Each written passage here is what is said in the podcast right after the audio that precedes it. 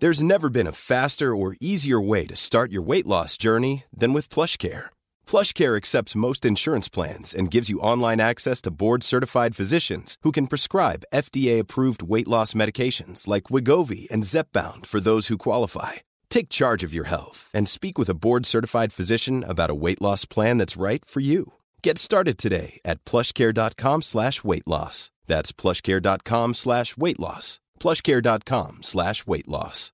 Imagine the softest sheets you've ever felt. Now imagine them getting even softer over time. That's what you'll feel with Bowl and Branch's organic cotton sheets. In a recent customer survey, 96% replied that Bowl and Branch sheets get softer with every wash. Start getting your best night's sleep in these sheets that get softer and softer for years to come. Try their sheets with a 30-night guarantee. Plus, get 15% off your first order at bowlandbranch.com. Code BUTTERY. Exclusions apply. See site for details. Hey, it's Paige DeSorbo from Giggly Squad. High quality fashion without the price tag. Say hello to Quince. I'm snagging high-end essentials like cozy cashmere sweaters, sleek leather jackets, fine jewelry, and so much more. With Quince being 50 to 80% less than similar brands. And they partner with factories that prioritize safe, ethical, and responsible manufacturing. I love that. Luxury quality within reach. Go to quince.com slash style to get free shipping and 365 day returns on your next order. Quince.com slash style. Detta program sponsras av Pharmalight. Pharmalights LED-ljusbehandling påskyndar läkning, förebygger skador och förbereder inför ansträngning. Du lyssnar på Ridsportpodden, en ny podcast från tidningen Ridsport. I den här podden träffar vi ryttarna som du vill lära känna på djupet. Värd för programmet är hästsportsjournalisten Andrea Berlin. I detta sjätte avsnitt av podden ska vi faktiskt prata om hur farlig ridsporten kan vara. Livet kan förändras från en minut till en annan. En tjej som har varit med om detta är dressyrryttarinnan Sofie Lexner. Numera är hon tillbaka i sadeln igen, men vägen hit har naturligtvis varit lång. Ni ska få höra henne berätta historien om vad som egentligen hände och dessutom ska vi prata om säkerhet och hur hon tänker om livet med hästar. Vad trevligt att vi får komma och besöka dig här Sofie. Eh, välkommen till podden. Tack så mycket. Vi befinner oss nu på eh, anläggning EMV i Blänta där du eh, bedriver din verksamhet. Som jag förstår så är du i full gång nu och eh, rider och tävlar. Men hur är det egentligen med dig? Har du blivit helt återställd från olyckan? Ja, alltså så här mår jag ju väldigt bra. Eh, dock har jag ju fortfarande komplikationer. Jag har ont i min rygg och jag har dålig känsel i min högerarm och eh, fingrar. Du har det? Ja. För de som inte hört så mycket, vad var det egentligen som hände eh, den där dagen? Ja, det var för ett och ett halvt år sedan. Augusti 2013 blir det som jag eh, blev avslängd av en ung häst. Väldigt illa. Mm. Hon eh, fick, vi tror att hon fick sadeltvång och bockade av mig så kraftigt att jag flög av eh, med huvudet före rakt ner i sanden på utebanan. Var det någonting speciellt som skrämde henne? Nej, det var en blåsig dag och det var ja, blåsigt och lite... Ja, en, en ung häst kanske skulle vara lite vildare just den dagen. Mm. Så det var egentligen inget speciellt, utan det, var, det kom egentligen från ingenstans. Hade du hjälm på dig och sådana grejer? Ja, självklart hjälm. Och jag hade min pappa som alltid är med och hjälper mig när jag sitter upp på mina unghästar. Han stod på marken och hjälpte mig. Ehm, så han var med och såg olyckan. Mm. Och vad, vad hände exakt? Vad gjorde hästen? Ja, hon hoppade rakt upp i luften, bockade ner med huvudet, nästan ramlade på sidan, satte sig ner och gick omkull själv. Mm. Eh, I min reflex just då var det bara att hålla i manen och hålla i sig så gott jag bara kunde. Eh, vilket kanske inte var det bästa i just den situationen. Jag kanske skulle försökt att slänga mig av. Eh, men jag med henne upp igen och då gjorde hon väl tre, fyra boxsprång till. Eh, och då flyger jag rakt över halsen och ja, med huvudet före, rakt ner i sanden. Och vad hann du tänka då? Att jag ska hålla i mig. Ja. Försöka hålla balansen så gott jag kunde. Men eh, precis i fallet så kände jag nog inte så mycket. Det, jag hade inte särskilt ont precis när jag ramlade. Eh, men jag hör min pappa skrika, alltså långt borta, att jag skulle ligga helt stilla. För han såg ju att jag ramlade rakt på huvudet och trodde att jag hade fått en rejäl smäll i huvudet. Mm. Vad kände du själv? Kände du att det var allvarligt? Nej, inte just då. Det tog, det tog ett tag innan jag började känna smärta. Men eftersom pappa reagerade så som han gjorde eh, så förstod jag nog att jag, jag har nog slagit mig. Men jag har aldrig skadat mig innan. Jag har ramlat av mycket unghästar och ridit mycket busiga unghästar. Så jag har ramlat av förut men all, aldrig slagit mig särskilt illa. Nej. Så det var, det var inga kraftiga smärtor som du fick när du Nej, låg inte just då. Det var först efter eh, en minut kanske. Pappa sa åt mig att ligga helt stilla och det gjorde jag artigt och snällt. Ja. Fast jag ville helst slänga mig upp igen och upp på hästen och rida vidare. Men eh, jag låg där och så började jag få väldigt mycket smärta i min högerarm. Mm. Eh, väldigt ont och efter några minuter till så sa jag, så sa jag nog att ja, jag kan nog ha fått en spricka i min arm. För att det gör nog lite för ont i min högerarm. Mm. Eh, så sån smärta hade jag inte från början. Nej. Utan det kom mer och mer. Och det var framförallt i min högerarm som ja, den stack och ja, det, det kändes som knivar i högerarmen. Fick du åka ambulans till sjukhuset eller? Ja, eh, jag låg ju där och sa då att jag kanske har en spricka i armen. Eh, varav att eh, de ringde ambulans och sa att det är en tjej som har ramlat av och hon kanske har fått en spricka i armen. Mm. Eh, så det blir ju inget prio 1-larm på den ambulansen. Så att vi väntade nog i 20 minuter. Och då ligger jag kvar där i sanden och med huvudet rakt ner i sanden. Alltså skär, skärmen på hjälmen rakt ner i sanden och ligger där med armen precis framför mig. Och det sån smärta jag hade då, det var helt obeskrivligt. Men det var, jag var fortfarande eh, helt fokuserad på att det var min högra arm. Mm. Efter 20 minuter så ringer vi ambulansen igen för att då har jag så ont att jag vet knappt vad jag heter. Eh, och pappa frågar också då om jag kunde, om jag kunde röra mina fingrar i min, i min högerarm. Mm. Eller höger, höger hand. Eh, och då kände jag när jag försökte röra på händerna att jag, jag börjar att få dålig känsel. Att jag kan inte röra på dem. Så de ringde ambulansen igen. Eh, och då var den på väg. Så då kom den efter en kvart senare. Mm. Så jag ligger ju där i alla fall 40 minuter innan ambulansen kommer. Aj då. Och sen kommer du in till sjukhuset. Och vad Eh, händer då?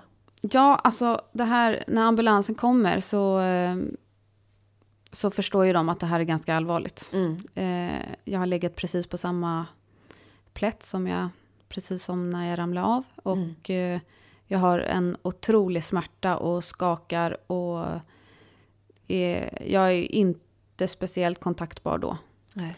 Eh, Jag kommer ihåg att de frågar mig om jag kan röra mina fingrar och vid den stunden så kan jag inte det. Eh, De tar på min arm och jag känner ingenting. Ehm, Och då beslutar de sig för att jag ska få halskrage och bindas fast och jag får massa smärtstillande och de lägger mig på en sån där äh, bår som man ska ligga helt stilla. Mm. För då, då utgår de från att jag har skadat nacken eller ryggen. Ja. Men eh, sen ambulansfärden kommer jag inte ihåg så mycket av. Och när jag kommer in på sjukhuset så har jag bara massa folk eh, runt omkring mig som klipper av mig kläderna. Och eh, jag får slang vid näsan och jag får massa slangar på mitt bröst för att jag tydligen har fått för mycket smärtstillande för att det, de kunde inte flytta mig annars. Um, så mitt, jag fick, mitt hjärta bankade dåligt också på grund av smärtstillandet. Um, Ja. Men du var vid medvetande hela tiden? Nej, inte riktigt. Alltså jag, jag väcks flera gånger av att de slår mig på kinderna och säger att jag ska säga mitt födelsedatum och var jag är någonstans och vad som har hänt och så. Mm. Eh, så det, det kommer jag ihåg att jag väcks av flera gånger, att de slår mig på kinderna och jag försöker liksom hålla mig vaken. Mm. Eh, och det är väl dels av att jag har fått mycket smärtstillande, men också för att jag, jag slog kraftigt i mitt huvud. Mm. Eh, så när jag kommer in där till sjukhuset så får jag åka till flera olika röntgen. Det är både magnetröntgen och skiktröntgen och vanlig röntgen med både nacke och armen då som jag fortfarande tror att jag har problem med. Jag är ju fortfarande inställd på att jag har en spricka i armen. Även vid, vid den tidpunkten. Så... Hur, hur lång tid tog det sen för dem att undersöka vad som egentligen hade hänt? Ja, det tog väldigt lång tid. Det här var en lördag. Ja. Eh, jag kom in lördag eftermiddag så eh, de eh, personalen då som har ansvaret för skiktröntgen, de var inte där så de fick ringa in extra personal där på Lunds universitetssjukhus som skulle hjälpa mig, eller som, som, som skulle röntga mig mm. med de här lite avancerade maskinerna. Ja. Så det tog väldigt lång tid. Eh, jag tror jag fick mitt besked eh, vid 12.1 på, på natten att jag eh, hade då frakturer i både rygg och nacke. Var det någonting som hade kunnat ana själv? Absolut inte. Nej. Det, det var jätteoverkligt. Eh, plus att jag, jag är fortfarande väldigt påverkad av min smärtstillande så att jag är inte riktigt... Eh, jag har ont i huvudet och må, kräks och mår må så dåligt och så trött och inte riktigt i medvetande. Så jag, jag hör ju inte riktigt det här. Um, Men förstod du vilket allvar det var egentligen? Nej. Eller? nej. Du tyckte fortfarande att det var ganska lindrigt? Mm.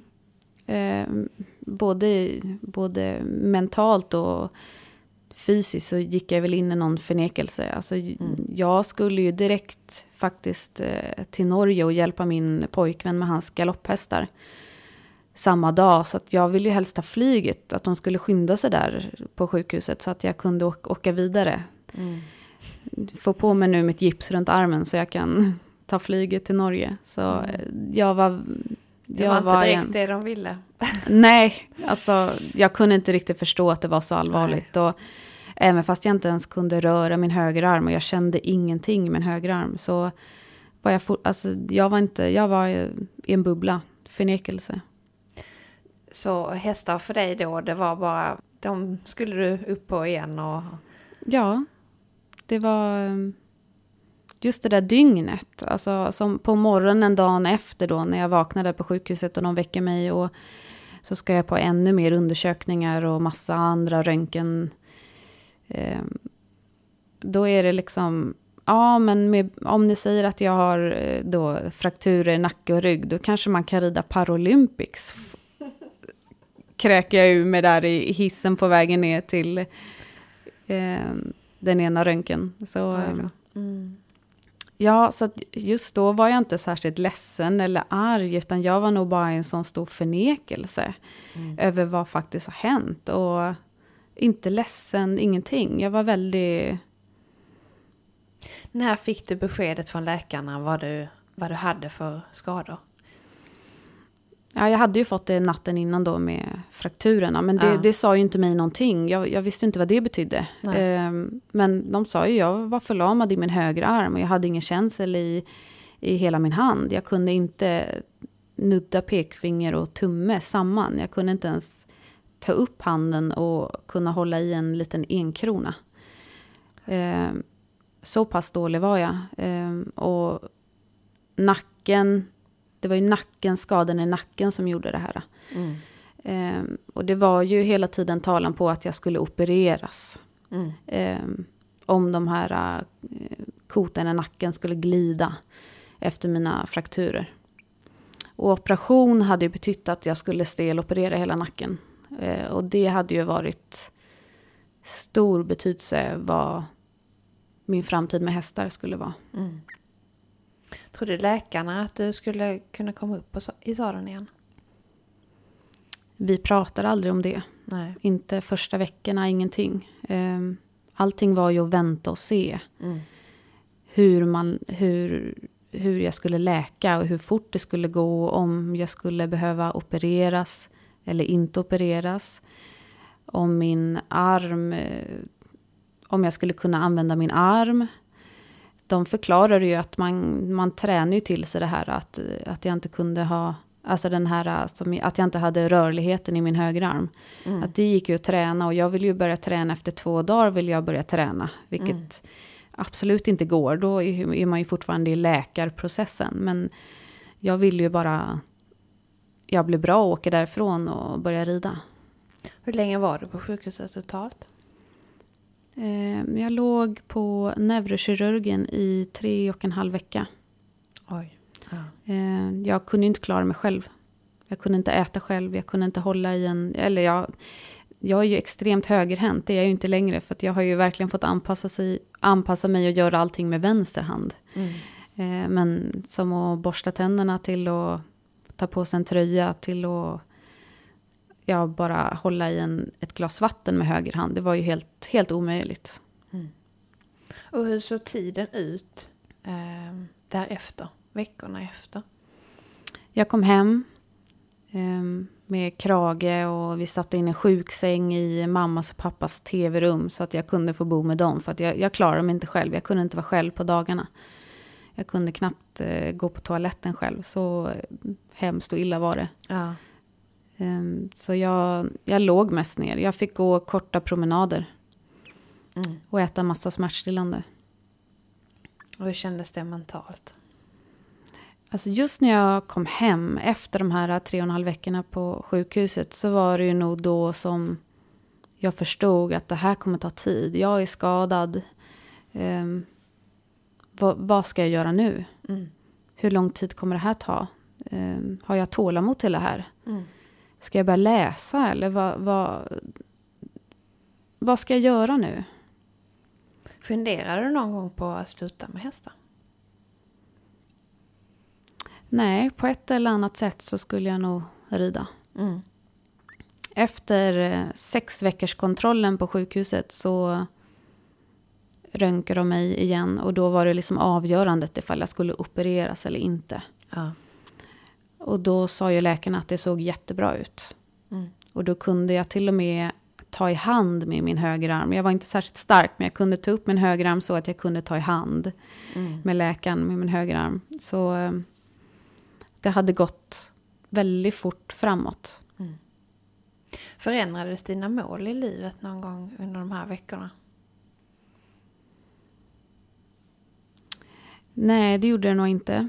Um, flera månader framåt så var jag faktiskt fortfarande i min förnekelse. Mm. Um, även fast det var frustrerande att vara hemma och man skulle börja läsa böcker istället för att åka till stallet så var jag fortfarande fast vid att, eh, att jag skulle fortsätta likadant igen som jag gjorde innan. Mm. Vem hjälpte dig att vara stark? Oh, det är en svår fråga för jag kände mig ju absolut inte stark då. Nej. Kan jag ju säga. Det var eh, att vara hemma där och alla åkte till stallet och jag skulle ligga där i sjuksängen och läsa tidningar. Det, jag kände mig verkligen inte stark. Det, Nej. Vad gjorde, vad gjorde familjen för dig då? Ja, de fick ta rätt mycket. Alltså, de fick, först och främst fick de ju ta över hela företaget och ta hand om alla hästar. Och vi fick ringa in personal som fick rida alla hästar. Um, men också ta i mig. Alltså när, jag, när de kom hem och, och, och ja, var färdig i stallet så skulle de brottas med mig som var helt förstörd och helt... Alltså jag visste inte vad jag skulle ta mig till. Det, mm. Att ligga där hemma och vara van och arbeta och rida och vara så fysiskt aktiv till att inte få göra någonting och man vet inte ens hur länge man ska inte göra någonting. Gå promenader, det, jag såg ingen, det var inte ens kul att det var sol och fint väder utan allting var väldigt ja, grått och tråkigt. Mm. Allting. Jag, jag, såg, jag såg verkligen inte framåt. Jag visste inte hur lång tid det skulle ta. Vad tror du din familj? Vi pratade nog aldrig om det. Nej, okej. Eller så. Ni fick ta en dag i taget. Ja, Liksom. Mm. det var nog så. Men hästarna,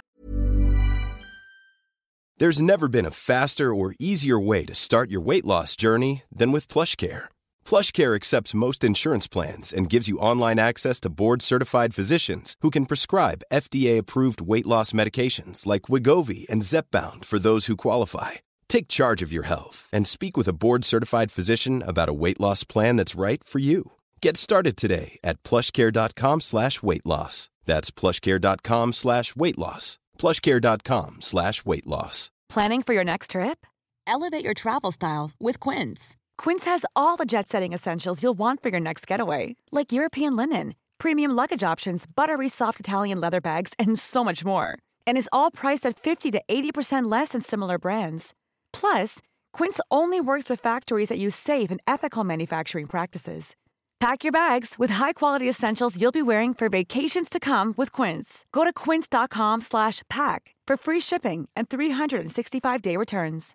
Imagine the softest sheets you've ever felt. Now imagine them getting even softer over time. That's what you'll feel with Bowl and Branch's organic cotton sheets. In a recent customer survey, 96% replied that Bowl and Branch sheets get softer with every wash. Start getting your best night's sleep in these sheets that get softer and softer for years to come. Try their sheets with a 30-night guarantee. Plus, get 15% off your first order at bowlandbranch.com. Code BUTTERY. Exclusions apply. See site for details. Mom deserves the best, and there's no better place to shop for Mother's Day than Whole Foods Market. They're your destination for unbeatable savings, from premium gifts to show-stopping flowers and irresistible desserts. Start by saving 33% with Prime on all body care and candles. Then get a 15-stem bunch of tulips for just $9.99 each with Prime. Round out Mom's menu with festive rosé, irresistible berry chantilly cake, and more special treats. Come celebrate Mother's Day at Whole Foods Market. Nej, hästarna fanns i dina tankar hela tiden och Mm, du längtade efter mm. dem. Verkligen. Ja.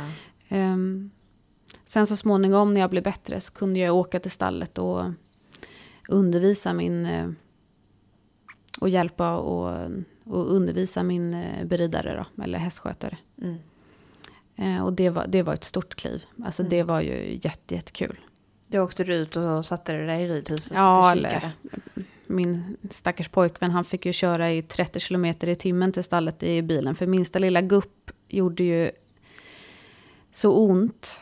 Så Ah. att det, ja, det var fruktansvärt. Och sen när man väl kom till stallet så var man helt slut. För då har man suttit i en bil i 10 minuter. Så då fick jag ligga i en solstol utanför stallet. Eh, på utebanan. Så där låg jag och tittade på mina hästar i en solstol. Men de, de blev i ordning och, och ridna och du behövde aldrig bekymra dig att, att hästarna inte hade det Nej, bra. det var... Ja, mina föräldrar gjorde alltså ett väldigt jobb kan jag säga. Mm. De eh, ordnade upp allting. Jag behövde aldrig bekymra mig att det, att det var kaos i stallet. Vilket det säkert var ibland. Men Mm. de gjorde det väldigt, väldigt enkelt för mig. Mm. På det sättet. Och några hästägare tog hem sina hästar. Och några lät sina hästar vara kvar. Och det kändes också skönt. För då hade jag ändå den här moroten att eh, de tror att jag kommer tillbaka. Så då gör jag det. Mm. Hur har vägen sen sett ut från att du kom till stallet och började kika på hästarna?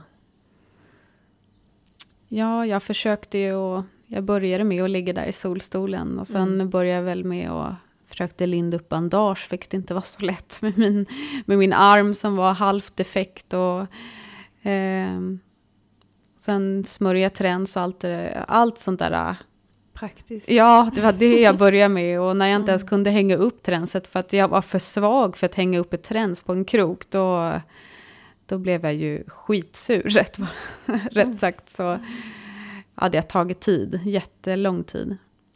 Men fick du någon träning eh, för din kropp i övrigt för att få lite mer styrka tillbaka? Mm, jag träffade en sån arbetsterapeut. Ja. Eh, så jag fick övningar som jag skulle göra med min eh, högerarm eh, och hand. Så jag skulle träna upp min motorik. Mm.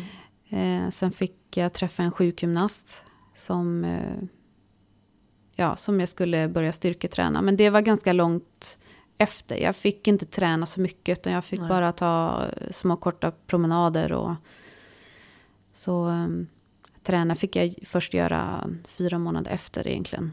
Okej. Hur lång tid eh, tog det sen innan du kunde liksom göra ännu mer i stallet? Och hur... Alltså det gick ju faktiskt rätt fort för att jag var ju rätt envis. Även om jag inte Mm. fick riktigt så testade jag mig själv hela tiden. Mm, Klarar jag det här? Klarar jag det här? Och jag skulle bandagera ett ben, kommer jag ihåg. Och det var... Och jag tappade bandaget och jag tappade bandaget igen för att jag hade så dålig motorik. Ja. Och det var så irriterande och så frustrerande att jag kunde börja gråta av, av en sån liten grej. Mm. För att jag ville så gärna få till det. Så mm, Har skadan gjort dig starkare än tidigare tycker du? Ja, det kan det nog ha gjort. Eh, jag tänker lite annorlunda nu. Jag är, innan skadan så var jag ju väldigt taggad på det här med tävling och bli bättre och bli bättre och bli bättre. Och när man vann så ville man göra det bäst, bättre igen nästa tävling och vinna en gång till. Mm.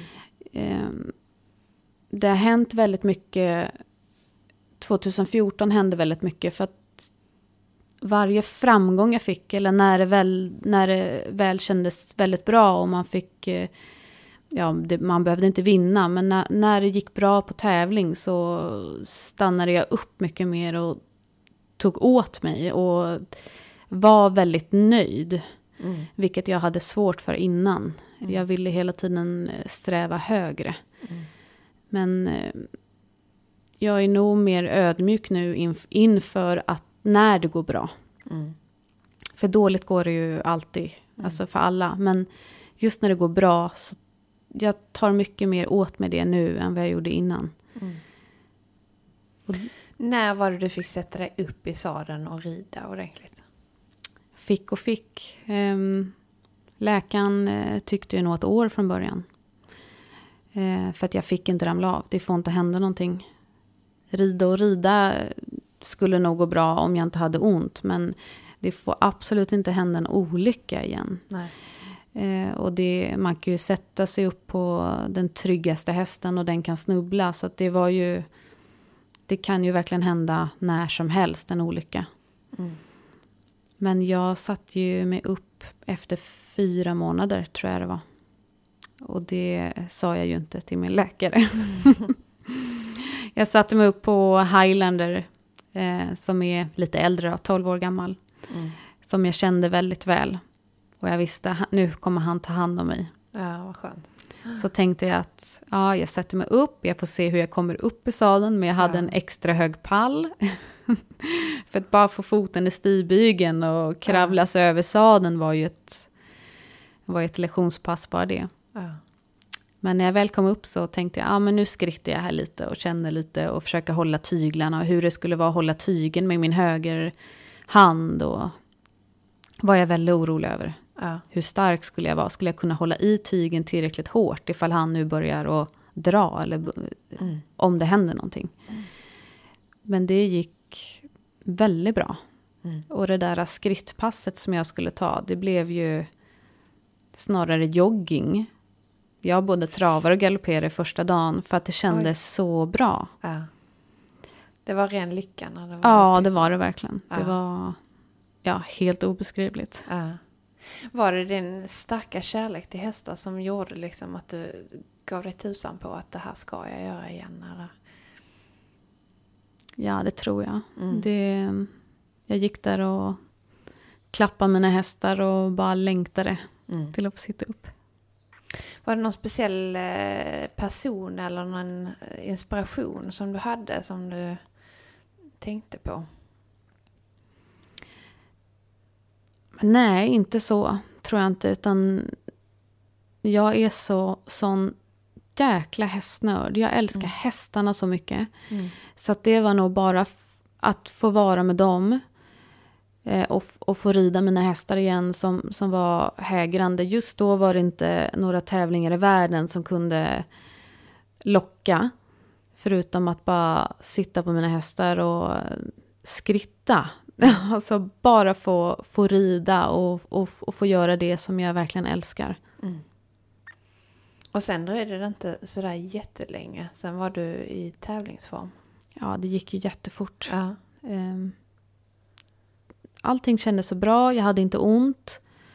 Min högerarm och handen funkade helt okej. Okay. Mm. Jag fick lägga om min ridning lite så att eh, jag fick verkligen eh, ha mina hästar så pass mjuka att, att jag inte behövde håll, hålla i med min högerarm. För det, det, klar, det klarar jag, och det klarar jag inte nu heller. Nej. Utan verkligen ha dem så pass lösgjorda att, att det inte blir något motstånd mm. i handen. Mm. Um, så att jag tävlade ju redan i februari. Sen vad blir det? Sex månader efter, eller sju månader. Mm. Och sen gjorde du någon... Eh någon rekord i Skandinavien med sig? Ja, alltså först så åkte jag, jag red en eh, regional tävling här i Sverige mm. med Highlander. Eh, som var min näst bästa häst då. Eh, och sen åkte vi bara tre veckor efter till Neumünster och eh, World Cup-kval. Med både min bästa häst Charming Boy och Highlander. Mm. Och där gjorde Charming Boy då som 18-åring personligt rekord på över 75 procent i kuren. Så det, det, var ju, det var bara magiskt. Alltså hur kunde det här hända? Det var ju... Pappa hade ridit Charming Boy i skogen i fyra månader och jag hade precis suttit upp i sadeln och bara tränat eh, två månader. Och så... Men det måste ha gett dig ännu mer energi. Ja, det gjorde det verkligen. Mm. Det, och sen, Men det, kan, det kanske inte var så dumt för hästarna ändå att få det där av, Absolut inte. Det var just för Charming Boy som var gammal och lite gubbig så var det nog det bästa som kunde hända att han fick gå i skogen med pappa och vara hackhäst. Ja. Mm. Vad har säkerheten betytt för dig nu efteråt? Säkerhet är ju väldigt viktig i den sporten vi håller på med. Vi håller på med flyktdjur mm. som kan reagera på en tiondels sekund. Mm.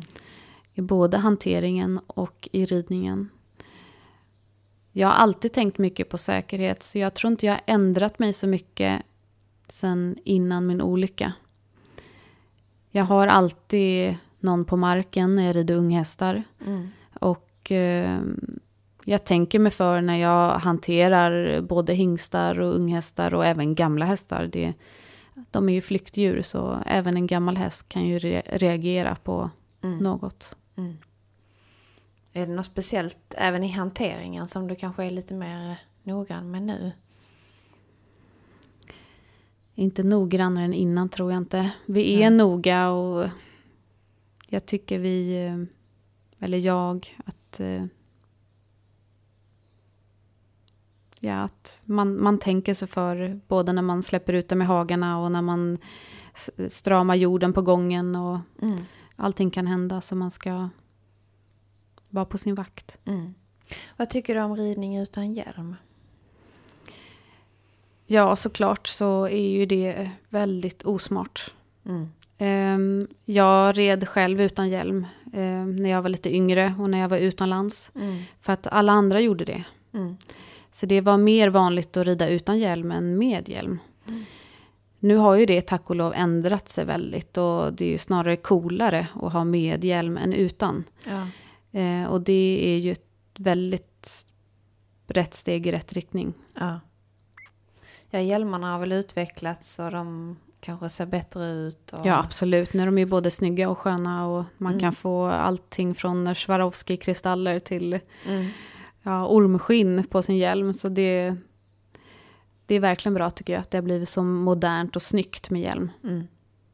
Vad tycker du om eh, hatt i dressyren då? förut när jag var ponnyryttare så var ju det jättekult att få bli junior och få rida med hatt. Eh, men eh, jag la ju undan hatten ganska tidigt. Jag har ju tävlat med hjälm i ja, många år tillbaka nu. Ja. Så att jag valde ju ganska snabbt att det, det är nog snyggare och mycket klokare att ha hjälm. Har du hjälm någonting i stallet också när du håller på med hästarna? Eller?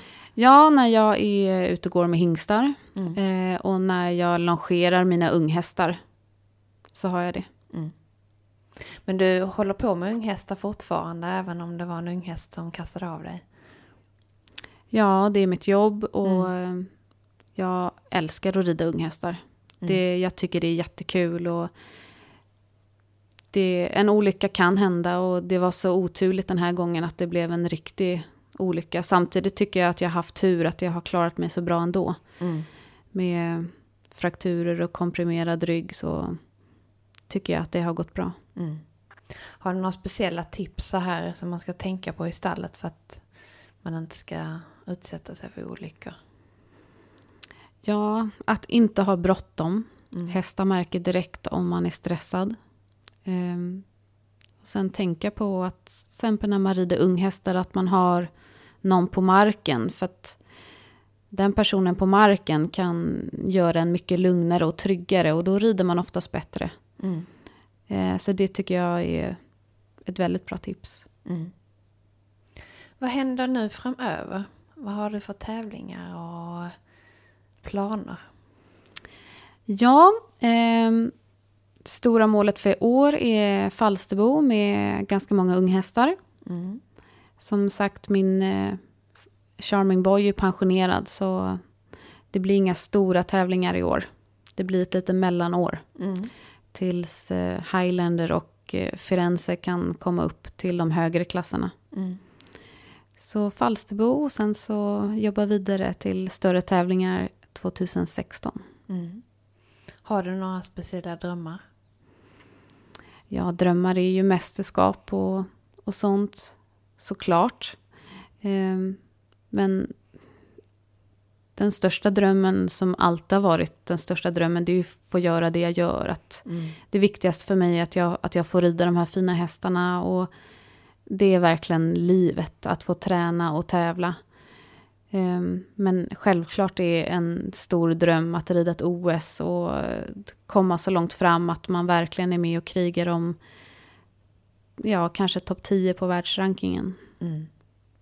Funderade du någonting på eh, dina mål när du var skadad och så här? Har de förändrats?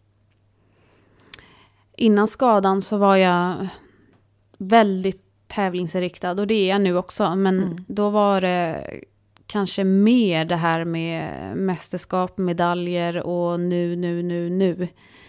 Jag har lugnat ner mig lite. Eh, och det har ju faktiskt gått bättre egentligen efter min skada tävlingsmässigt. Så någonstans har jag mognat under den här uh, olyckan också. Eh, så att jag hetsar nog inte upp mig så pass som jag gjorde innan om nu jag missar en tävling eller det inte blir så bra resultat som jag hade tänkt mig. Nej. Utan eh, det är fortfarande en dag i taget men självklart har jag stora drömmar och mål. Kan du sätta fingret på så något speciellt som har gjort dig bättre och starkare i ridningen efter det här? Nej, det kan jag nog inte. Nej. Det är nog hela, hela när, när jag låg där i sjuksängen och tyckte synd om mig själv. Kanske. Ja. Mm. Har du några drömmar utanför hästlivet och eh, ridningen? Inga drömmar. Så, det... Familj så småningom. Hade, ja, varit häftigt. Eh, annars så har jag ju andra intressen, till exempel att laga mat. Okej. och läsa, läsa mattidningar och recept. Det tycker jag är kul. Gillar du att laga mat själv eller är det... Ja, det gör jag. Eh, Det är kul när man har tid. Jag har inte så mycket tid. Jag, jag är ju hellre i stallet och sköter om mina hästar än att, än att laga mat. Men eh, när jag har tid och eh, vi får gäster eller man ska laga mat till någon, då tycker jag det är superkul och häftigt. Mm. Men eh, matlagningen är inte någonting som du eh, tänker på det första du gör när du kommer hem från stallet eller någonting sånt där, utan det blir mer när du är ledig eller eh, har tid över på helgen? Ja, det blir det ju. Eh, tid över på helgen har man inte så mycket heller, heller men eh, kanske en söndagsmiddag ibland ja. får vi till med, och ibland med familjen. Ja. Vad gör du annars när du har lite tid över? Jag försöker faktiskt vila mig ja. de timmarna som jag har över. Sen eh, har vi köpt en liten valp så hon eh, kräver också lite tid. Det förstår jag. Ska det bli en, eh, en hund som hänger med på alla tävlingar? Hon kommer vara med överallt. Ja. Maskoten. Ja, vad härligt. ja. Eh, jag önskar dig stort lycka till Sofie och jag hoppas att eh, alla armar och ben behålls friska nu. Ja, tack så mycket. Vi vill jättegärna veta vem du vill att vi ska träffa nästa gång och vad vi ska prata om. Maila till oss på podden snabel tidningenridsport.se Programmet producerades av Lavaletto. Pharmalights LED-ljusbehandling påskyndar läkning, förebygger skador och förbereder inför ansträngning.